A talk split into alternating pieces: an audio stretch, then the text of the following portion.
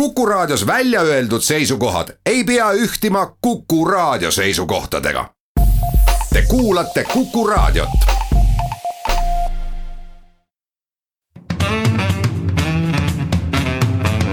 muuli ja Riikoja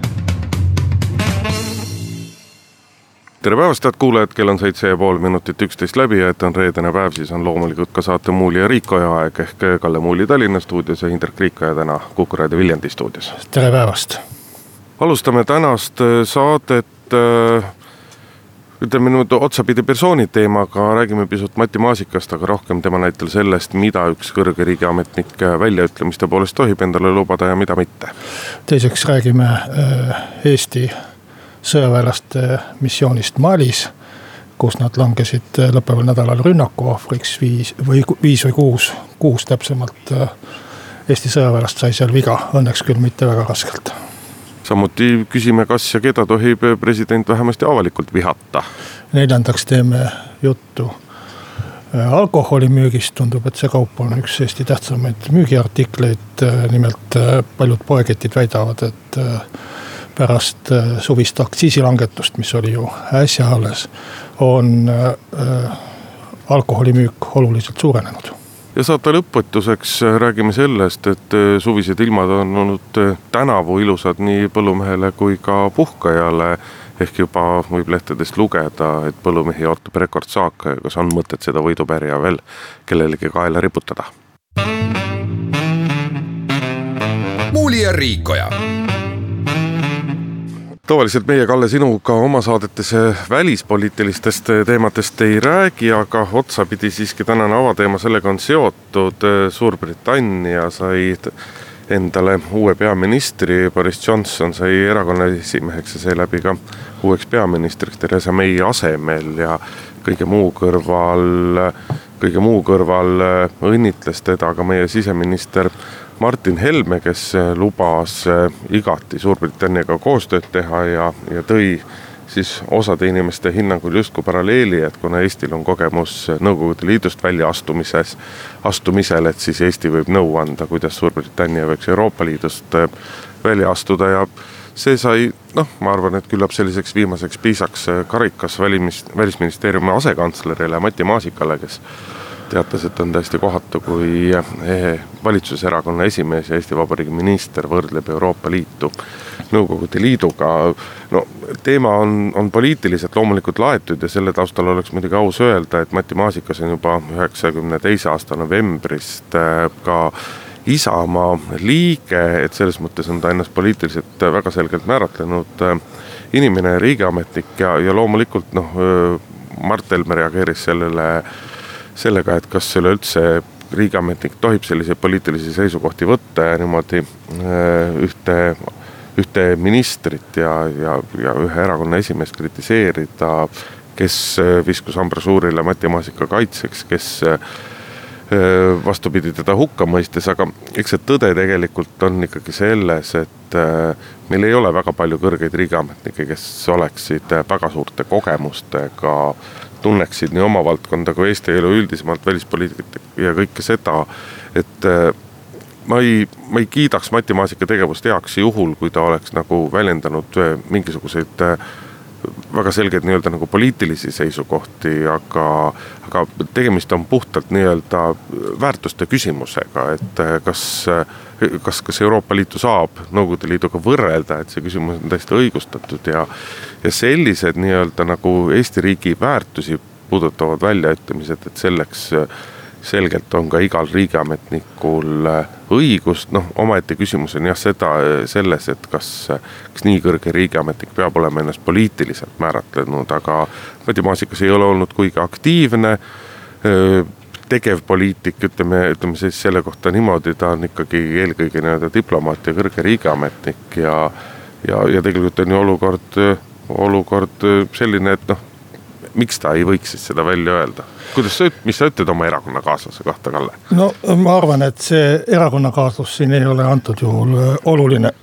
eks, eks ta pöördus ju ka oma erakonnakaaslase äh, Urmas Reinsalu ehk välisministri poole Twitteri vahendusel ja küllap nad oleks saanud ka kuskil mujal seda juttu räägitud.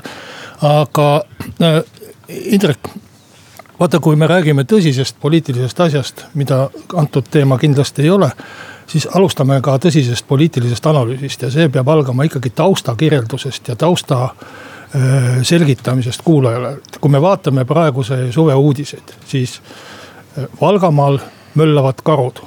välispoliitika seisukohalt on ilmselt ka oluline ütelda, et veel vene karud. siis äh, Hiiumaal ründab hunt inimest, võib-olla hunt koer, võib-olla koer hunt, käib tõsine vaidlus selle üle. Abrukal möllab ilves sellisel tasemel, et isegi peaminister käib seda vaatamas ja, ja võtab valitsuse pressikonverentsil sel teemal sõna. eile õhtul tuleb pommuudis äh, Anija vallast, kus mesilaspere on teinud äh, kärje elupuu oksale. ja, ja Postimees, meie vanim ja soliidne välja, soliidsem väljaanne teatab, äh, et pealkirja all Aidake leida teatab, et Anti Kammiste kass on kadunud. ja täna hommikul loen ma Rahvusringhäälingu uudistest et hiirte põud ajab rebased tee äärde. vaata, kui, kui, kui sa oleksid. nüüd me saime siis teada, milliseid uudiseid riigiametnik Kalle Mulli loeb. muid ei ole lugeda, aga kui me paigu-, paigutame nüüd poliitik Mart Helme sellele taustale, siis mida ta vaene mees peab tegema, et sellisel taustal silma paista, ta ei pane ju selga karukostüümi ega ei lähe Vändramaale kuskile inimesi nagu inimestele poseerima. et isegi kodumaiseid uudiseid ei ole tal võtta ja siis ta peab saatma õnnitlustelegrammi Suurbritannia peaministrile. umbes nii, nagu saadaks kõik viisteist Eesti ministrit Suurbritannia peaministrile õnnitlustelegrammi. et tegemist ei ole isegi tema sõsarerakonna esimehega, vaid konservatiivide parteid võib pea, pigem Isamaa sõsarerakonnaks pidada, et. oleks veel, et iseseisvuspartei oleks seal võimule tulnud. mida ma tahan ütelda, Indrek? no ega teil muidugi ka väga palju poliitilist vahet ei ole et ja, ja kuidas selline, ütleme, õnnitluskiri satub ajakirjandusse, mitte Briti ajakirjandusse, vaid Eesti ajakirjandusse. eks ikka siis, kui õnnitleja ise selle saadab Eesti ajakirjandusse, et, tegemist oli ju tegelikult mitte välispoliitilise sündmusega, vaid sisepoliitilise avaldusega. ja, ja ma kindlasti ei hakka siin üldse arutama teemal, kas Nõukogude Liit on nagu Euroopa Liit või vastupidi. et see oleks nagu totter. ja, ja kui me vaatame nüüd Mati Maasika avaldust teiselt poolt Äh, vastu sellele Mart Helme sisepoliitilisele avaldusele, mis, millel tegelikult minu meelest välispoliitikaga ei olnud suurt midagi pistmist. Äh, vähemalt ei ole ta Suur, Suurbritannias äh, küll uudistekünnist kuidagi ületanud. et siis ma arvan, et rohkem kui Mati Maasika isa, Isamaasse kuulumine mõjutab tema avaldust kindlasti see, et ta on välisministeeriumist töölt lahkumas. see on ammu otsustatud asi ja ta asub tööle Euroopa Liidus Äh, äh, Euroopa Liidu esindajana Ukrainas, ehk siis Euroopa Liit, mida Mart Helme võttis äh, noh, solvata või, või kuidagi halvustada. on tema tulevane tööandja ja ma arvan, et see on, see on rohkem tema avaldust mõjutav asi.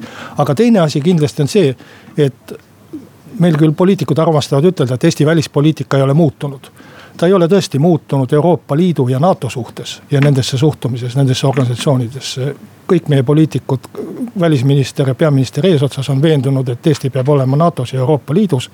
ja peab seal tugevalt olema. aga küll on mõned üksikud detailid Eesti välispoliitikas muutunud ja näiteks see, et äh, välisminister keelas ära diplomaatide toetusavaldused homoparaadidele välismaal. ja, ja mõned muud äh, rumalused, mida sotsist äh, välisministri ajal lubati teha. ja viimane asi, kui ma meenutan, möödunud reedel pärast meie saadet, õhtul hilja oli ÜRO-s hääletamine rändepakti asjus sellest ei ole Eesti ajakirjandus sõnagi kirjutanud erinevalt erilastest ja mesilastest ja karudest. aga sellel rändepakti äh, hääletusel hääletati nimelt seda, kuidas selle rändepaktiga edasi minna ja, ja mis tempos ja kuidas seda sisustada äh,. seal hääletas Eesti selle rändepakti vastu, mis on täiesti erinev Eesti eelmisest hääletusest rändepakti asjus. ja ma arvan, et sellised detailid ärritavad äh, välisministeeriumi ametnikke palju rohkem kui, kui, kui mõned muud küsimused ma, ma ei saa muidugi ütlemata jätta, et see sinu avaldus sellest, et mõned muud rumalused, mis sotsist eelmine minister ütles, et. et noh, tegelikult ei peaks siiski välisminister ka, ka, ka, ka sulgema Eesti diplomaatide suud näiteks selles osas, kui nad tahavad kuskil mõnes riigis homoparaadidele mingisugust toetust no neid, neid, neid, neid avaldusi tehakse Eesti riigi nimel. pigem nagu soosiv, eks ole. ja, ja Indrek päris selgelt äh, neid, neid Eesti, ja riigi, Eesti nimel, nimel võivad diplomaadid täiesti teha, teha avaldusi. ei, nad võivad ka ametnikud teha, Eesti riigi seisukoht on ju, on ju ikkagi vähemusi toetav, et jah, meil ei ole küll kooseluseaduse osas konsensust jõudnud, konsensusele jõutud, aga meie riiklik seisukoht on kõike muud, kui et homod tuleb ära keelata, homoseksuaalsus tuleb kriminaliseerida ja nii edasi, nagu see mitmes riigis on see.... et sellisel koha peal on minu arust väga õigustatud, et ka Eesti riigi diplomaadid ilma peamajaga nõu pidamata sellise asja asjale toetust avaldavad, et seda ei saa kindlasti nagu rumaluseks ei, nad ei tee seda ilma peamajaga nõu pidamata ega, ega ei ole kunagi teinud ilma peamajata nõu, nõu pidamata. et avalduste aga, kohta ikkagi ütleb selgelt, selgelt poliitik, milliseid avaldusi tehakse riigi nimel. ja selles ei ole nagu kahtlust ja sellepärast ka välisminister nagu sekkus selles et eh, aga, aga olemuslikult nii-öelda see Mati Maasika kaasus ikkagi noh, peamine küsimus on see, et mida tohib riigiametnik endale lubada ja mida ta ei tohi lubada just nimelt avalikus väljaütlemises, poliitilisse ellu sekkumises ja nii edasi.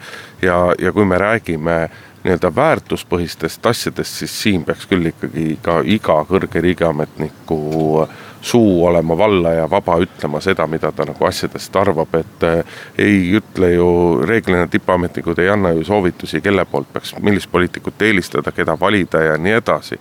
ja, ja seda Mati Maasikas ka praegu ei teinud, et, et kui sellele tasandile ei minda, siis selgelt ikkagi peab olema ka, ka tippametnikul talle peab kehtima sõnavabadus ja õigus ennast väljendada, aga teeme siinkohal väikse pausi ja lähme siis saatega edasi Muuli ja Riikoja. jätkame saadet Indrek Riikoja ja Kalle Muuli. lõppeval nädalal leidis üle, õnneks üle pika aja Malis aset traagiline sündmus, mässulised või õigemini siis Al-Qaeda, kes koos mässulistega tegutseb, ründas, ründas sõjaväebaasi kus olid väravavalves Eesti sõdurid, kuus Eesti sõjaväelast sai vigastada, õnneks vist nende elu ohus ei ole, aga, aga kolm tükki neist on siiamaani äh, arstide äh, järelevalve all. Äh, noh, see tuletas meile meelde võib-olla varasemaid ja palju traagilisemaid missioone Afganistanis, Iraagis, kus, kus käis päris lahingutegevus Malis. on Eesti sõjaväelased põhiliselt siiski korda valvamas ja, ja, ja, ja kaitsmas seaduslikku valitsust siis mässuliste eest ja terroristide eest on juba esimesed hõiked ka sotsiaalmeediast kostunud ja avalikkuses kostunud, et, et Eesti riik ikkagi võib-olla peaks oma sõdurid tagasi tooma ja meil ei ole põhjust oma sõdureid ohtu saata ja nii edasi. kõrged poliitikud ja, ja, ja kaitseväelased äh, alati arvast-, armastavad öelda või ütlevad, et, et Eesti sõdurid on sellisel viisil nii-öelda kaitsevad Eesti riigi vabadust, kaitsevad Eesti riiki ja, ja tihtipeale jääb see võib-olla paljudele inimestele arusaamatuks, et, et kuidas me Eesti vabadust küll Malis või, või ka Afganistanis või Iraagis kaitseme, et ei ründa sealtmaalt ju meid mitte keegi. aga no siin tuleb meeles pidada ikkagi seda, et et kaitse seisukohast nii-öelda liitlassuhted on meie jaoks äh, vaata et kõige olulisemad. ja kui meie lähme mujal teistele appi, siis tulevad teised vajadusel ka meile appi, loodame, et seda vajadust kunagi ei teki, aga paratamatult selleks peaks valmis olema, et ka nüüd siin selle Mali juhtumi puhul on, on küsitud, et augustis oleks nende meeste teenistus seal nagunii pidanud lõppema, nad oleksid Eestisse naas-, naasema pidanud, et kas nad äh, kas nad äh, peaksid tulema varem tagasi või mitte. kaitseväest ei ole nii-öelda nagu selget seisukohta selle kohta öeldud, ongi just viidatud, et noh, et, et missioon oli nagunii lõppemas. no kerge on muidugi öelda ja, ja kindlasti nende, nende meeste lähedased võivad äh, sellele asjale teistpidi moodi vaadata, aga aga poliitiliselt ei oleks õige nüüd küll isegi hakata selle pärast, äh, selle vahejuhtumi pärast nüüd mehi plaanitust nädal või kaks varem tagasi tooma, et et äh, nii-öelda meie, meie kui riigi selgroogu näitaks ikkagi kõige paremini see, kui me näitame, et äh, sellised juhtumid on väga kahetsusväärsed ja need on väga traagilised, aga me ei lase ennast nendest heidutada. no kõigepealt peab ju ütlema seda, et ega need mehed. kõlas liiga ilusasti nüüd, eks ole. ei, et ega need mehed ei ole ju seal ajateenijad, ehk nad ei ole seal kohustuslikus korras, nad on seal vabatahtlikult. Nad on kutselised sõjaväelased ja, ja keegi ei käsi neil sinna minna, kui nad ei tahaks sinna minna. et ja keegi ei käsiks ka neil seda tööd teha, kui nad ei taha seda tööd teha, et sõduri elukutse või sõjaväelase elukutse ongi selline ja see on ikkagi vabatahtlikult valitud ja ka sinna missioonile on vabatahtlikult mindud, aga mitte ainult see ei ole oluline, oluline on ikkagi see, et, et noh, me räägime siin liitlaste koostööst, eks ju. Prantslased on ka meil Tapal kolmesaja meheline või umbes kolmesaja meheline üksus on Tapal koos viie tanki ja, ja hulga lahingumasinatega. Äh, see koostöökogemus esiteks, mis saadakse sellistelt missioonidelt äh, ja, ja teiseks ka see, et me ootame ju ise kaitset teistelt. aga, aga minu meelest on oluline ka see, et me võitleme terroristidega Eestist kaugemal kas keegi kujutab ette, kui, kui meil tuleks võistel, võidelda nende samade terroristidega Lasnamäel, Koplis, ma ei tea, Viljandis. et kas siis oleks parem? minu meelest on no, ikkagi hulga parem see, kui me saadame oma sõdurid nende terroristidega võitlema Eestist kaugemale ja garanteerime sellega ka selle, et võib-olla see terrorism Eestisse jõuab väiksemal moel või ei jõua üldse või, või jõuab hiljem ja, ja selles mõttes on oluline, et Malis konkreetselt ju käib ikkagi võitlus äh, terroristlike rühmitustega, kes on mässulistel poolel äh, võitlemas seadusliku valitsuse vastu või, või isegi selle mässuliste nii-öelda riigi üle võtnud. ja, ja see on otsene võitlus terrorismiga. Eesti sõdureid on muidugi mitmel pool ju mujal veel, kuna Äh, surmasaamisi ja haavata saamisi õnneks ei ole, siis võib-olla, et ka ei teata, et äh, Afganistanis on jätkuvalt missioon. Liibanonis on Eesti sõdurid, äh, Vahemerel on üks Eesti ohvitser.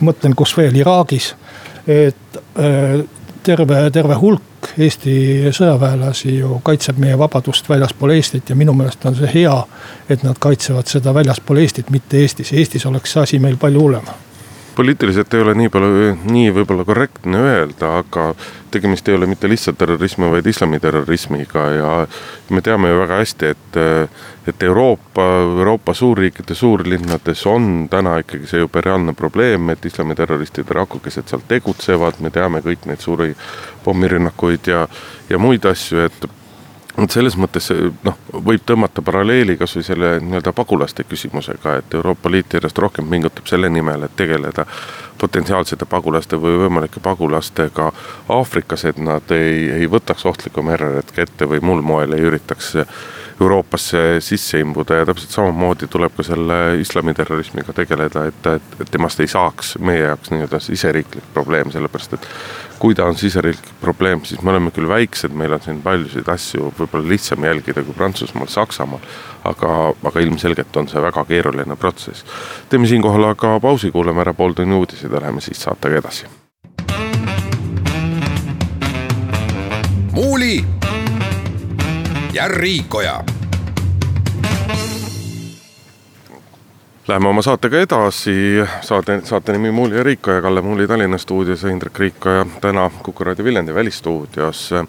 räägime sellest, ma ei tea, kuidas seda siis öeldi, keda tohib president, kas ja keda president tohib vihata, noh tõuke selleks andis, andis loomulikult presidendi intervjuu Foreign Policy'le, kus ta ütles, et noh, siin on muidugi ka see põline tõlke küsimus, et, et mis see täpne ütluse mõte on. I hate oli see väljend ja, ja seal suhteliselt äh, lihtne, Ameerika president äh, kasutab seda väljendit äh, noh, üle päeva.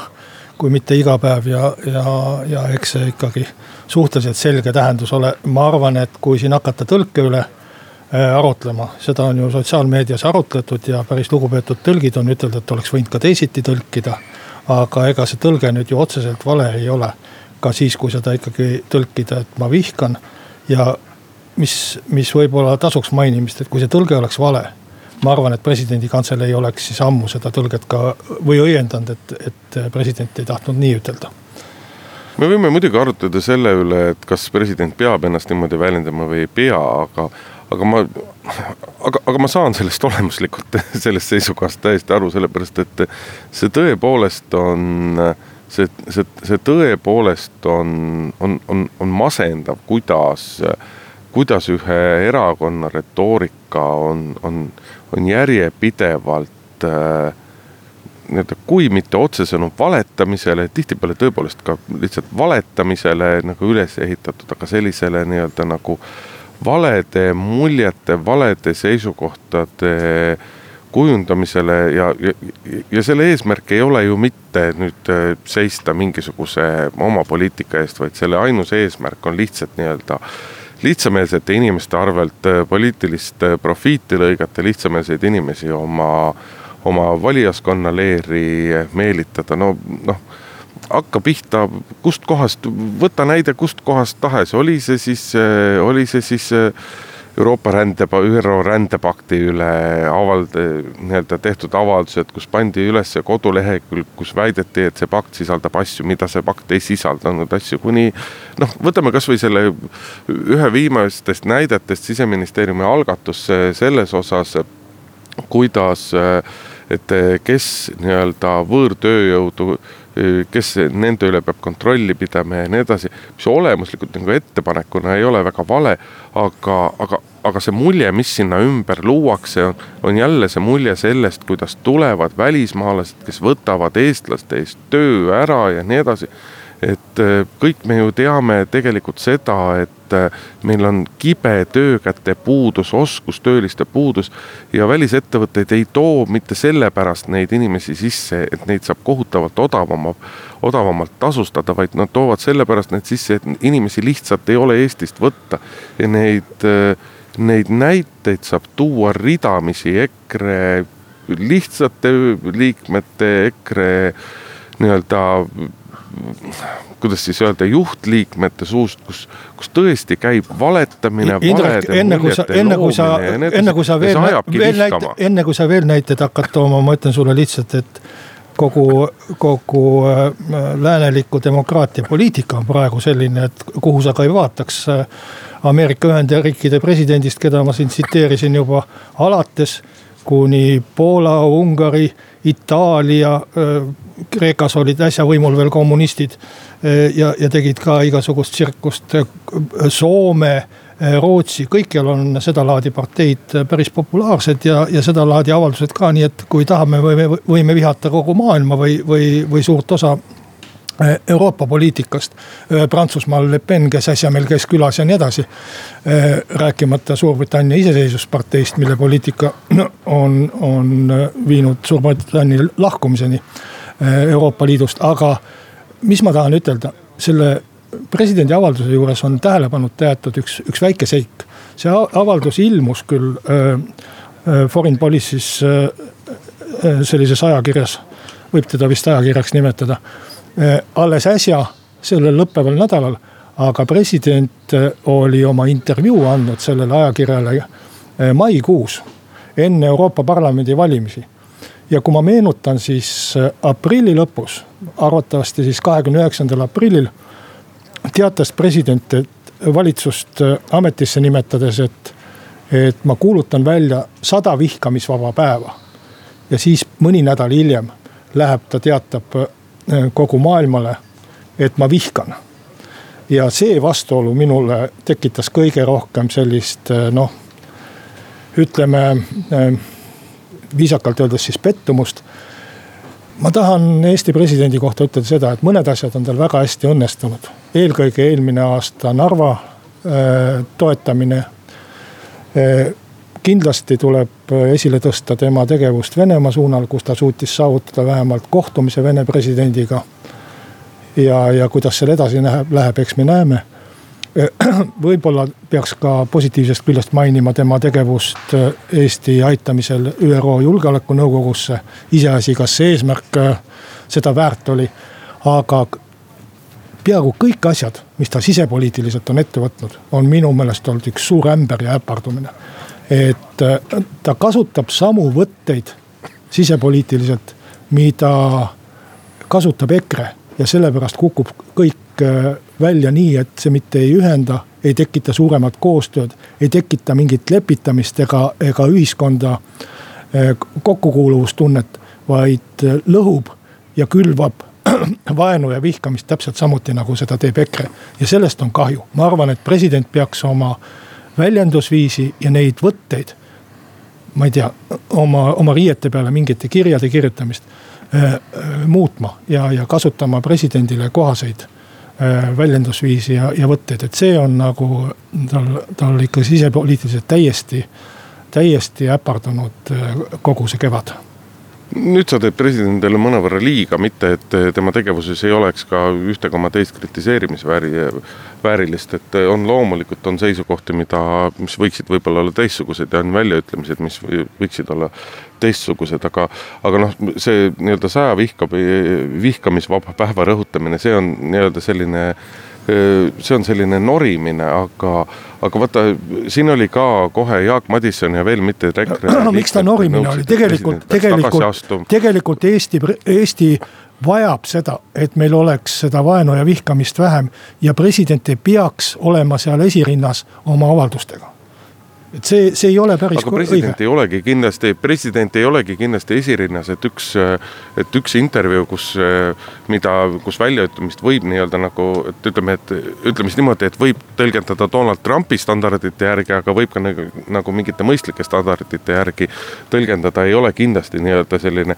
mingisugune järjepidev vihkamise, vihkamise õhutamine. ma tahtsin seda öelda, et kui, et kui siin osad EKRE liikmed nõudsid, et president peaks tagasi astuma, siis, siis kui kui, kui nende jaoks nii-öelda valetamine ja, ja, ja, ja valemuljete ja sellise nii-öelda paralleelreaalsuse loomine on nagu sõnavabadus ja, ja, ja on nende õigus, siis miks ei tohiks presidendil olla sellist õigust, et kui president peaks selliste asjade pärast nii-öelda tagasi astuma, siis äh, Mart Helmel on juba, on juba lühikese ministrikarjääri jooksul kümneid põhjuseid, miks ta peaks sarnaste asjade pärast tagasi astuma, et seda millegipärast EKRE, EKRE liikmed ei, EKRE liikmed ei arva. aga noh, ei saa Indrek, nagu ka lõputult läheneda, oota, luba ma lõpetan lõpetan, luba ma, luba ma lõpetan, Kalle, et, et me, me ei saa nagu lõputult, selge on see, et nii-öelda nagu EKRE noh, EKRE ühtegi nagu mõistlikku juttu ja mõistlikku konstruktiivset arutelu ei kuul-, kuula, neil on nagu oma agenda, oma väljendusviis. ja vähemasti mingil määral peab neile, kindlasti mitte sama mõõdupuuga ja president ei ole kindlasti mitte sama mõõdupuuga neile vastama.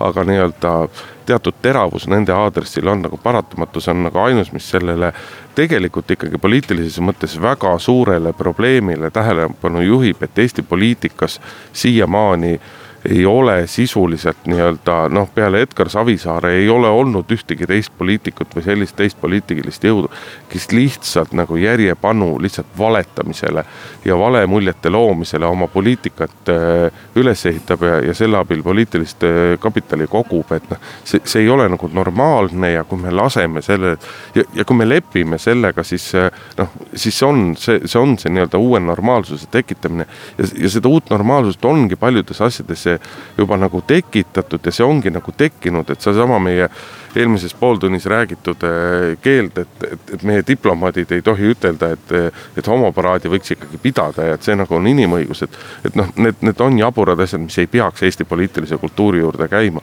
ja kui nüüd president ütleb korra, et talle ei meeldi selline väljenduslaad. ei, ta ütles, et ta vihkab. siis see ei ole küll mingisugune oluline probleem, et ta vihkab selliseid väljaütlemisi ja sellist väljenduslaadi, seda ütles tema ja see ei ole mingi probleem, pigem on see positiivne, et meil on president, kes julgeb nagu sirge, sirge sirge seljaga, sirge seljaga sellist asja välja öelda, aga see kõik ei tähenda, et kõik, mis president teeb, on ikka õige. automaatselt ja kindlasti mitte seda, aga, aga kui me sellest on konkreetsest juhtumist räägime, siis siin Indrek, küll. Äh, selleks, selleks, et presidendi tsitaatide üle arutada, peaks neid ka täpselt äh, tsiteerima ja president ei ütelnud, et ta äh, vihkab või ei salli EKRE väljendeid. ta ütles, et ta ei salli EKRE-t ja, ja äh, vaata hea, et sa Keskerakonda meenutasid. Meil oli palju presidente sel ajal, kui Keskerakonda juhtis Edgar Savisaar. mitte ükski president ei ütelnud, et ta vihkab Keskerakonda sest president ei saa endale sellist väljendit lubada, see on seaduslikult tege-, tegutsev erakond, ma ei taha EKRE-t kaitsta. mina ei salli nende paljusid väljaütlemisi täpselt samamoodi, aga president ei saa endale lubada ütelda, et seaduslikult tegutsev ja demokraatlikult parlamenti valitud erakond, et ta vihkab seda erakonda. ja seal on presidendil ja teistel erakondadel on vahet, seda võivad endale lubada erakonna poliitikud, parlamendi liikmed, eh, teised poliitilised jõud kes ka Edgar Savisaart ütleme pikka aega blokeerisid ja, ja ja, ja mõned neist ei teinud koostööd, mõned jälle võtsid teda enda valitsusse. aga äh,, aga president, kes peaks olema äh, siiski noh, päevapoliitiliselt parteide ühe, ülene äh,. ei saa minu meelest võtta äh, sellist positsiooni, et ta on äh, vihkab ühte erakonda ja, ja, ja, ja ma ei tea, mis iganes. et see, ma arvan, viib äh, sisepoliitiliselt meid äh, üha suuremale lõhestumisele ja mina ei arva, et president peaks tagasi astuma, see oleks muidugi lollus. mina ütlesin lihtsalt seda, et president peaks oma väljendusviisi ja, ja stiili muutma sisepoliitikas. muuli ja Riikoja jätkame saadet, räägime paar sõna alkoholimüügist. alles äsja muutusid aktsiisimäärad. Eesti langetas siis nii kange kui lahja alkoholi aktsiisi päris oluliselt ja juba on tulnud siis poodidest uudiseid ajakirjanduse vaheldusel, et alkoholimüük on kasvanud. no tõsi, see on mõni üksik poekett, mis seda on Äh, väitnud ja mina ütleks küll selle peale, et äh, alkoholimüük on nagu, nagu liiklusõnnetus, et sellel on kümneid põhjuseid võib-olla. ja ühte neist välja noppida ja, ja sellise äh, lühikese aja pealt on, on äärmiselt riskantne, et alkoholimüüki mõjutab ilm, mõjutab palgatase, mõjutab majanduse olukord mõjutab äh, Lõuna-Eestis vist isegi, isegi see, kui palju on metsas marju ja seeni, sellepärast et ma lugesin, et äh, õllesõbrad armastavad äh, raha teenida neid korjates.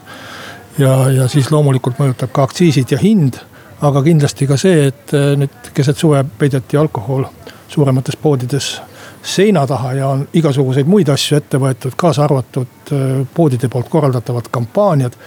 et ütelda siit üheselt Äh, mingit hinnangut, et see või teine asi kindlasti mõjutas alkoholimüüki. rääkimata siis tarbimisest, äh, kohapeal tarbimisest, Eestis tarbimisest. sest ka turism mõjutab seda müüki, et, et see minu meelest on selline puhas spekulatsioon, et see, mis tegelikult nagu toimuma hakkab, seda näeme ikka hulga aja pärast jah, sest kui me vaatame nüüd äh, numbritele otsa või, või vaatame nii-öelda teadaolevatele alusandmetele, siis Eesti langetas alkoholiaktsiisi, Läti tuli sellega osaliselt järgi ja on veel järgi tulemas.